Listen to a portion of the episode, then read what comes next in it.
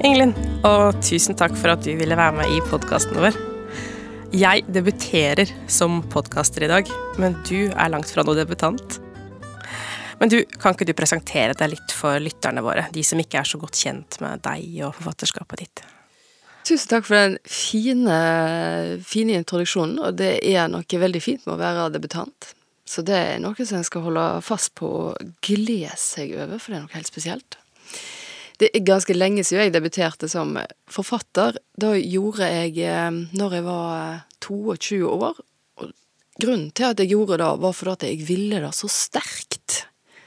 Jeg hadde nemlig en plan om at jeg skulle debutere senest når jeg var 22 år.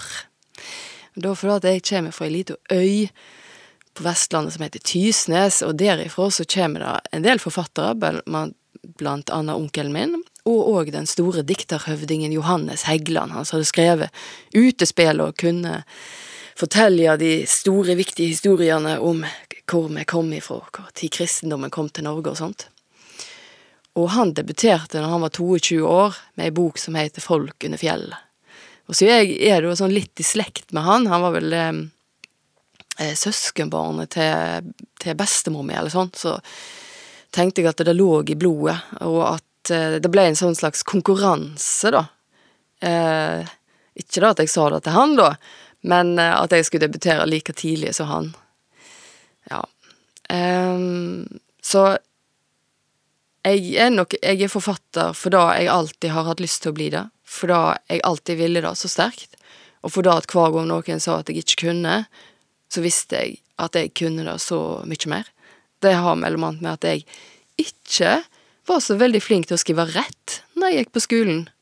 Jeg kunne rett og slett skrive utrolig masse feil, og en gang jeg gikk i femte klasse, så hadde vi diktat.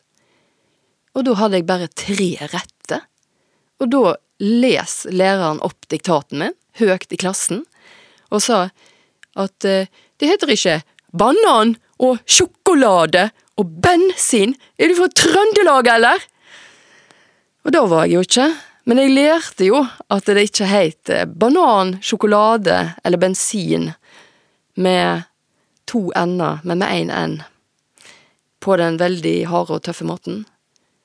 Um, og jeg brukte jo veldig mye av min skoletid òg til å skjule at jeg hadde At jeg ikke var så flink til å lese. En kalte det ikke dysleksi på den tida, en kalte det at en var litt sånn dum i hodet.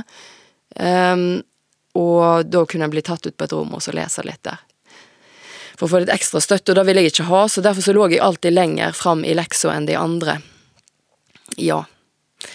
Eh, og òg da gjorde nok òg at jeg måtte fokusere på de delene av, av norsken som ikke handler om grammatikk og rettskriving, som jeg er helt elendig, men jeg måtte fokusere på de delene der jeg kunne noe, nemlig å fortelle historier.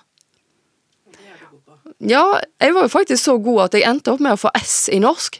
For at eh, jeg etter hvert fikk en norsklærer som valgte å se forbi alle de røde strekene og si at du er så flink på å fortelle historier at vi kan ikke straffe Vi kan ikke straffe deg for skrivefeilene dine, for da at historien er viktigere. Og han sa òg at når jeg hadde skrevet ei novelle som het I samme båt, når jeg gikk i niende klasse, så sa han at denne må du sende inn. Det finnes et forlag som heter Gyllendal, og de har en konkurranse, og der kan du Syns jeg at du skal sende inn denne stilen din. Og da gjorde jeg. Eh, og jeg var en av de som vant den konkurransen, og kom ut i bokform. Og ble intervjua i lokalavisa, og sa at eh, jeg skulle bli lærer, og kanskje skrive bøker, da, for da kunne jeg kanskje ha råd til en sofa, eller noe sånt. Wow. Du, takk for at du deler. Men vi har fått med deg i studio i dag for å prate litt om den boka som heter Oh My God. Og den kom ut på Samlaget høsten 2019, og den er støttet av oss i Lesersøkebok. Har du lyst til å fortelle litt mer om den? Ja, det er ei bok som jeg skriver fordi at jeg først skrev ei annen bok for dere, som heter Hevne, som er sånn kanskje litt sånn ofte hvis en tenker at en skal skrive bøker for de som kanskje ikke syns det er så kjekt å lese bøker, som syns det er vanskelig å plukke opp ei bok, så tenker jeg sånn Ja, men da må det være grøss og gru og spenning og sånt. Eh, men jeg tenkte det må jo gå an å skrive ei bok som er sånn kjærlighet, litt sånn chick, litt, litt for eh, Litt for de eh, jentene som havna i baksetet på en Volvo utenfor ungdomsskolen, med noen som kanskje var litt eldre enn de sjøl. Og som heller ikke egentlig har lyst til å plukke opp bøker, men kanskje ikke egentlig har lyst til å, bare lese spenning og grøss, men kanskje har lyst til å lese en bok om det, har lyst til å være i baksetet på den Volvoen, har lyst til å gå på fest, har lyst til å drikke, har lyst til å gjøre alle disse tingene som du ikke får. Og da tenkte jeg at det ville jeg gjøre, uh, og at det måtte være mulig. Og da dukka Maria opp i hodet mitt, som er ei jente som uh, er veldig uh, Har kommet til det punktet der hun blir veldig, veldig ja, hva skal en si, grenseoverskridende, men hun vil prøve grensene, da. Se hvor grensene går, hva tid er det liksom Det sier pang. Og det sier selvfølgeligvis pang. Eh, og så blir hun da kasta inn i ei opp-ned-verden der reglene er helt annerledes, og hun prøver å bryte de så godt hun kan. Eh, mm. Og møte seg sjøl i døra, og det gjør vi jo alle på et tidspunkt. Det har blitt en veldig, veldig spennende historie. Uh, men uh, samarbeidet med oss, kan ikke du fortelle litt mer om hvordan det har gått til? For du hadde jo en idé om en bok, men så kom vi inn.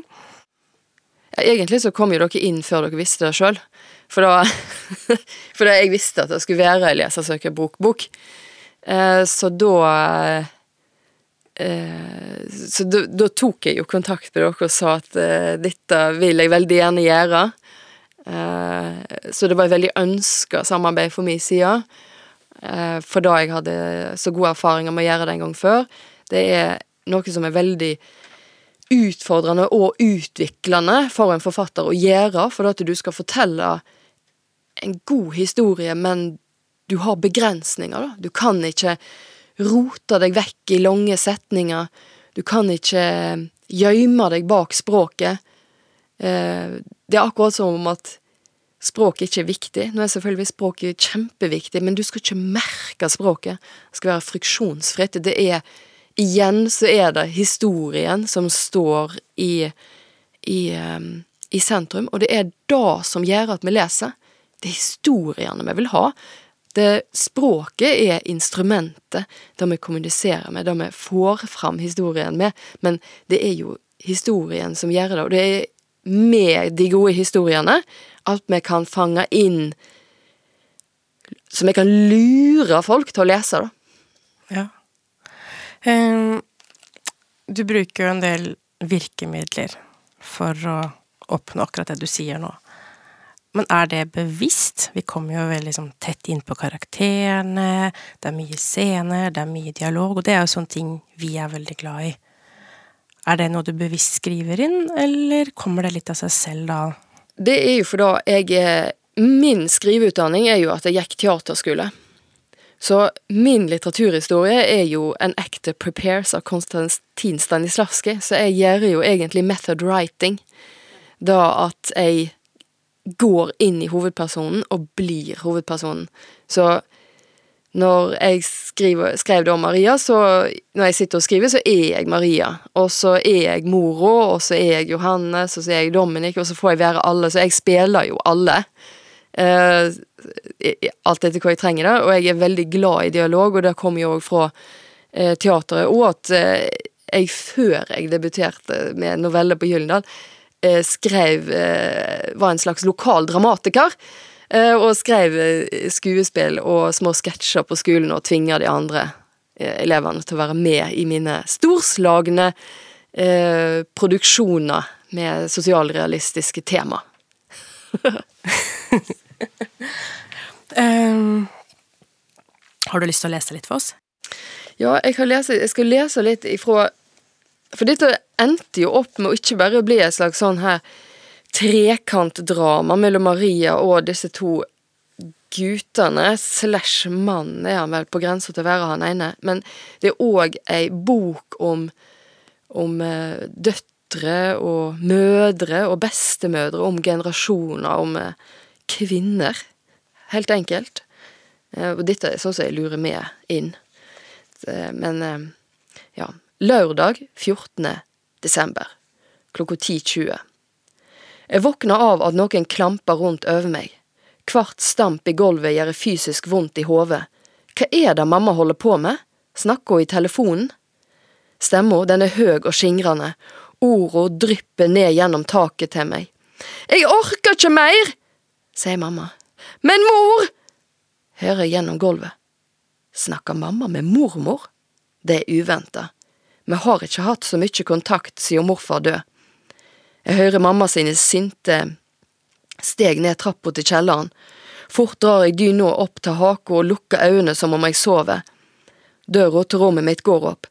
Maria? sier mamma. Jeg svarer ikke. Ei god natts søvn har altså ikke klart å roe henne ned.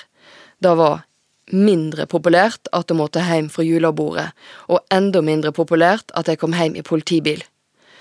Du glemte å banke på, sier jeg. Jeg har snakka med mormor, sier mamma. Jeg svarer ikke, bare fisker til meg mobilen og blar gjennom bilder folk har delt fra festen i går. Elliot, han tok skikkelig mange bilder. Du skal være hos henne til over nyttår. Jeg kjenner det røske i brystet, så ser jeg på mamma. Stirrende rett i øynene for å psyke henne ut. Du bløffer. Mamma rister sakte på hodet. Jeg flytter blikket til mobilen. Skjermen blir uklar. Jeg kniper øynene for å fokusere. Hva faen er dette? Jeg har sagt at jeg aldri skal reise dit igjen. Jeg ser ikke opp fra mobilen, selv om skjermen har gått i svart. Ja, noen uker hos mormor tar ikke livet av deg, sier mamma. Ikke faen! Mens morfar levde var det ok, men mormor hun er ei skikkelig kjerring, det har du, det har du sagt sjøl òg. Det er hun ikke, og det har jeg ikke sagt, sier mamma. Hun drar inn pusten djupt. Jeg tar deg ut av skolen ei veke, og så kommer jeg for å feire jul sammen med dere. Du får klare deg uten mobil ei stund. Særlig, sier jeg og gir henne fingeren. Mamma kommer bort til senga.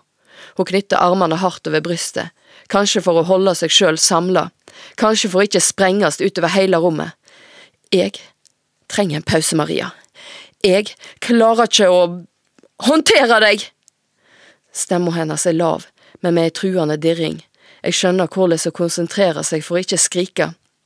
Skjerp deg, sier jeg, og blar videre gjennom bilder fra festen. Mamma napper til seg mobilen. Jeg griper etter den, men mamma er raskere. Hva faen er det du gjør, er du ikke klok, eller? sier jeg og knytter nevene. Hun heller hendene framfor seg som et vern. Du slår ikke nå, sier hun, du kan ikke slå mor di! Visst faen kan jeg da, sier jeg. Jeg blir helt svart inni meg, visst faen kan jeg slå henne! Slår du nå, så får jeg noen til å hente deg! Hente meg? Hva faen mener hun med det? Jeg frykter svaret. Jeg vil ikke spørre. Så gi meg den jævla mobilen, sier jeg. Mamma er helt hvit i trynet, da holder mobilen framfor seg. Jeg kan se at hendene hennes skjelver. Er hun redd meg? Ja. Takk. Wow. Det er ganske hardtslående. Men det ser vi jo egentlig allerede når vi ser omslaget, at her er det høyt tempo, her er det lesedriv. Det er mye som skjer, da. Men uh, hvordan gjorde du research i den boka? Eller gjorde du noe research? Uh, jeg gjør jo ikke mye research. Uh, det er Jeg tror at Det er jo som Det er vel Sigrid Undset som sier dette her kloke med at, uh, men, at menneskenes hjerte aldri forandrer seg, aldri til noen tider, eller hvordan hun sier det, på en veldig fin måte. Um, og det er jo at vi alle sammen har alt inni oss. vi må liksom bare hente det fram. Og det er når da at vi begynner å tro at vi er veldig ulike alle andre, det er da det liksom blir litt trøblete. Og det er det som òg gjør ungdomstida trøblete. Det er fordi at det, det er den perioden i livet der vi tror at vi er mest ulike alle andre. Samtidig så det er òg den perioden i livet der vi kanskje er mest lik hverandre. Eh, for da at vi alle sammen er der en trykker på den store følelses- og hormonknappen eh, som gjør at vi blir sånn midlertidig litt gal. Eh, men, og, og, ting skjer så utrolig fort. Eh, og det som er jo i denne boka, og det som jeg er opptatt av når jeg skriver historie, det er jo at jeg som regel skriver historier når en kommer til det punktet der en trykker på knappen. Altså point of no return. Um, og da må du gjøre i enhver historie hvis noen ting skal stå på spill. Noe skal stå på spill, noe skal være viktig. Det er ting som kan bli mista her. Og i denne scenen så er det jo tydelig at eh, ting holder på å glippe ut av hendene til Maria og mora. Eh, det begynner liksom å bli eh, farlig, og etter hvert så får en jo innblikk i hva det er som ligger under dette her. Eh, hvordan de har havna her. Det er jo selvfølgeligvis mangel på kommunikasjon, som er jo tenkte, roten til alt ondt. Jeg tenkte jeg skulle spørre deg om hvem du ser for deg at leseren er der, men det du egentlig sier nå, er jo at denne boka her burde alle ungdom lese. Eller kanskje ikke minst foreldre til uh, tenåringene. Ja, jeg tror at eh, Jeg tror at eh, voksne folk som har ungdommer, har mye, burde i mye større grad enn da de gjør, faktisk lese ungdomslitteratur. For da at der er det jo forfattere som De fleste av de, i alle fall de aller dyktigste, de går jo tilbake til sin egen ungdomstid. Og for voksne folk som har ungdommer sjøl, å lese ungdomslitteratur gjør at de kan huske hvordan det var å være kalv når jeg kom fra Tysnes og sier at kua har lett for å glemme at hun har vært kalv, og som foreldre er det veldig lett å glemme at en har vært eh, vært den ungdommen som, som er i ferd med å løsrive seg. Og så gir en kanskje ungene sine strengere regler enn en hadde sjøl, og, og, som en ønsker sjøl, og en har glemt hvordan, hvordan regler virker på en sjøl, da. Um, så absolutt eh, synes jeg at voksne folk eh, bør lese mer ungdomslitteratur, og at det er jo hvis de nå absolutt skal ha noe sånn lett og luftig å ta med seg eh, på flyet eller på stranda, så vel ungdomslitteratur staden, i stedet for kiosklitteratur, syns jeg, da. Ja. Eh, det er jo et eh, ja. Jeg er helt enig. Et bedre alternativ. du, mange av lytterne til denne podkasten, mm. de er jo bibliotekarer eller formidlere. Har du noen tips til dem når de skal formidle denne boka her ut til ungdom? Jeg tror at de skal eh, fokusere på at det er ei god historie. At det er en page-turner. Den er skrevet som en page-turner. Um, Kanskje mer da at det er god historie enn at det er viktig historie. For historien, den blir viktig eller uviktig i møte med leseren. For noen så vil denne boka være helt viktig og rett. For andre vil denne boka bare være sånn Oi, den var litt gøy å lese. Eh, så du kan aldri pålegge leseren hva han eller hun skal få ut av ei bok. Jeg syns òg det egentlig er en viktig bok å lese for gutter. Selv om jeg pleier å si at jeg ikke skriver for gutter, og det er jo sånn som jeg sier for at alle er så opptatt av å skrive for gutter, og jeg vet jo da at hvis du skal skrive for gutter, så er det beste å si at nei, jeg skriver ikke for dere, hold dere langt vekke fra denne boka, eh, for da har de lyst til å lese den. Så med den taktikken så har jeg fått veldig mange gutter til å bare si sånn Jeg skal låne denne boka først. Eh, for da det står noe der som de ikke skal ha innblikk i. Men den, den eh, handler jo òg om hvordan den, altså forholdet mellom jenter og gutter, og om seksualitet, og om hvordan um, uh, Ja, hvordan den trenden vi har i samfunnet med kanskje mer pornografi enn før, i alle fall mye lettere tilgjengelig, gjør at en, at en har et Eh, syn på hvordan en, en, seksuell debut skal foregå, og hvordan ei jente skal være i seng, og hvordan en gutt skal være i seng. Så det har jo ganske mye der òg, da, som en kan diskutere.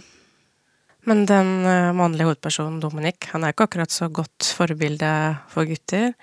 Nei, men eh, jeg tror ikke det blir god litteratur eller gode diskusjoner av å bare skrive om de gode forbildene. Eh, og i en av kritikkene mot eh, Eller en av uh, barnebokkritikk skrev en fantastisk anmeldelse. Ekstremt takknemlig for det. Men de òg skrev at de kunne ønske seg en annen slutt. da. De syns at Dominic slapp for lett unna.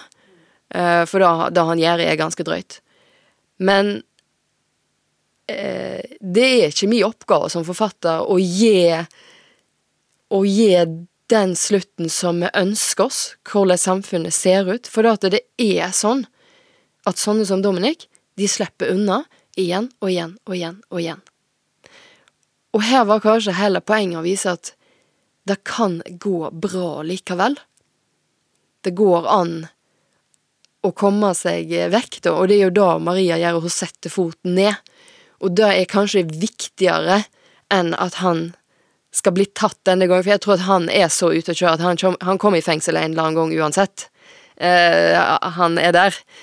Men det var kanskje ikke denne gangen her. Det som er det viktige, er at Maria kan redde seg sjøl og stå opp for seg sjøl, og det er så ufattelig mye viktigere budskap, syns jeg, eh, enn en at noen andre skal ordne opp, i alle fall i denne settingen her, da. Ja. Du, jeg har lagt merke til at du er veldig aktiv på sosiale medier. Kan du fortelle litt om tanken bak det? Du kjører livesendinger på Facebook, og du, ja, du byr på deg sjøl. Fortell litt om det. Ja, det var for da at når en Jeg tror når en begynte med Facebook for eh, ja, over ti år siden, så var det jo fleste av oss forfattere begynte med å Ja, men så har en ei side, ei sånn forfatterside. Og så på de sidene så gjør en jo stort sett ikke annet enn å si sånn Ja, nå har jeg skrevet bok. Sånn, hver gang jeg skrev bok, så kom det ut noe om det, og så noen anmeldelser, eller at en var på skolebesøk og sånn. Og så tenkte jeg sånn Nå ligger jo sida her, og så Eh, kanskje jeg skulle gjøre noe som har litt mer verdi, da. Kanskje jeg skulle snakke om noe som jeg, eh, jeg tenker jeg er opptatt av. Eh, og så tenk, tenkte jeg at jeg skulle ta folk med på å skrive denne boka. Så gjennom livesend så, så var jeg inne hver onsdag og fortalte litt hvordan det gikk, og nå har jeg fått tilbakemelding fra Eh, redaktørene. Jeg legger et eh, fint intervju da med Eivor eh, Vindnes i Lesersøkerbok, der, der vi snakker om prosessen med å Hvordan en, en tenker for å, å skrive ei bok. Ei sånn bok som dette her er. Uh, og så plutselig så var det Så begynte det å presse seg fram. At mange lurte på om de liksom kunne lære seg å skrive, da. Eh, og plutselig, før jeg visste ordet da, så hadde jeg lagd en liten skriveskole, så nå har jeg ni elever. Wow! Eh, der, eh, der jeg er deres mentor. Det høres utrolig fint ut, men jeg har bare valgt å si at jeg er der. Jeg holder de i hånda og leier de fram. Så da har de meg der til å Da sender de en melding hvis de ser at de ikke skriver, eller hvis de ikke er aktive, spør hvordan det går med de.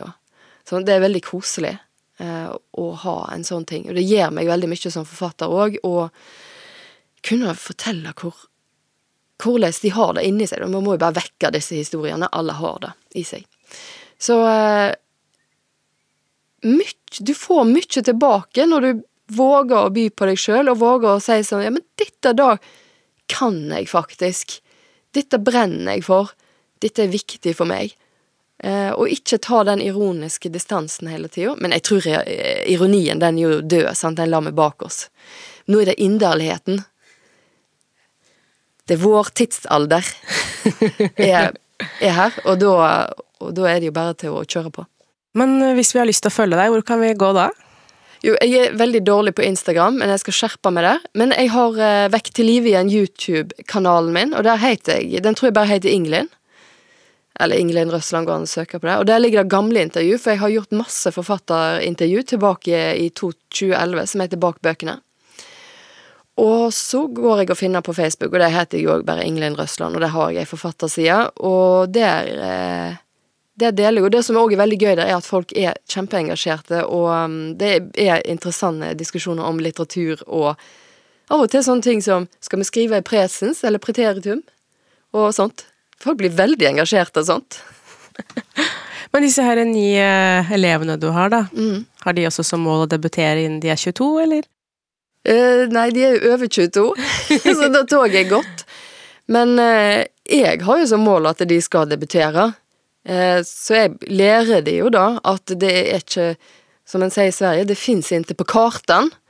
at en ikke skal debutere før eller seinere. For det er jo bare til å ikke gi seg Det er jo mitt eh, mantra. Du har ikke liksom mislykkes før du gjør opp, og det er ingen andre som bestemmer hva tid du gjør opp, annet enn deg sjøl. Men for disse forfatterspirene, eller andre som skriver, vil du anbefale de å ta og sende en søknad til Lesersøkebok?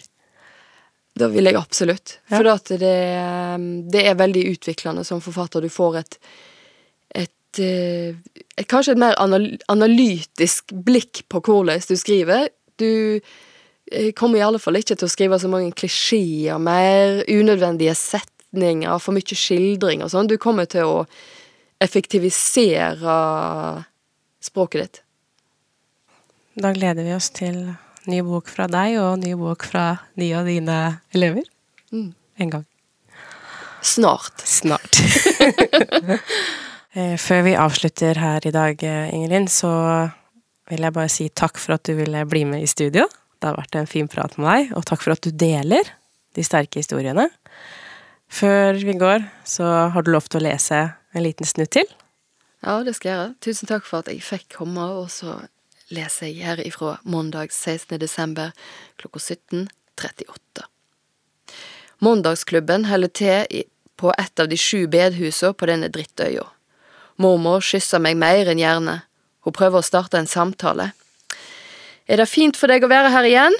Hun girer, og bilen rykker til. Nei. Men du likte å komme på besøk før? Det var fordi jeg likte morfar. Ja, men du kom ikke i bursdagen hans rett før han død. Ordene hennes treffer meg der det gjør mest vondt. Jeg skulle ha blitt med til Tysnes den helga, men Julie hadde overnatting for alle jentene i klassen. Jeg og Julie, vi var jo bestevenninner da, nå vet jeg ikke helt hva vi er. Morfar blir så skuffa hvis du ikke kommer, sa mamma. Jeg må jo få være med venner òg, protesterte jeg. Mamma ga etter. Jeg ble ikke med. Jeg så på det som en seier. Jeg kjente meg voksen. Noen veker seinere kom telefonsamtalen for mormor. Vi heiv oss i bilen med det samme, sjøl om det var for seint. Han var død.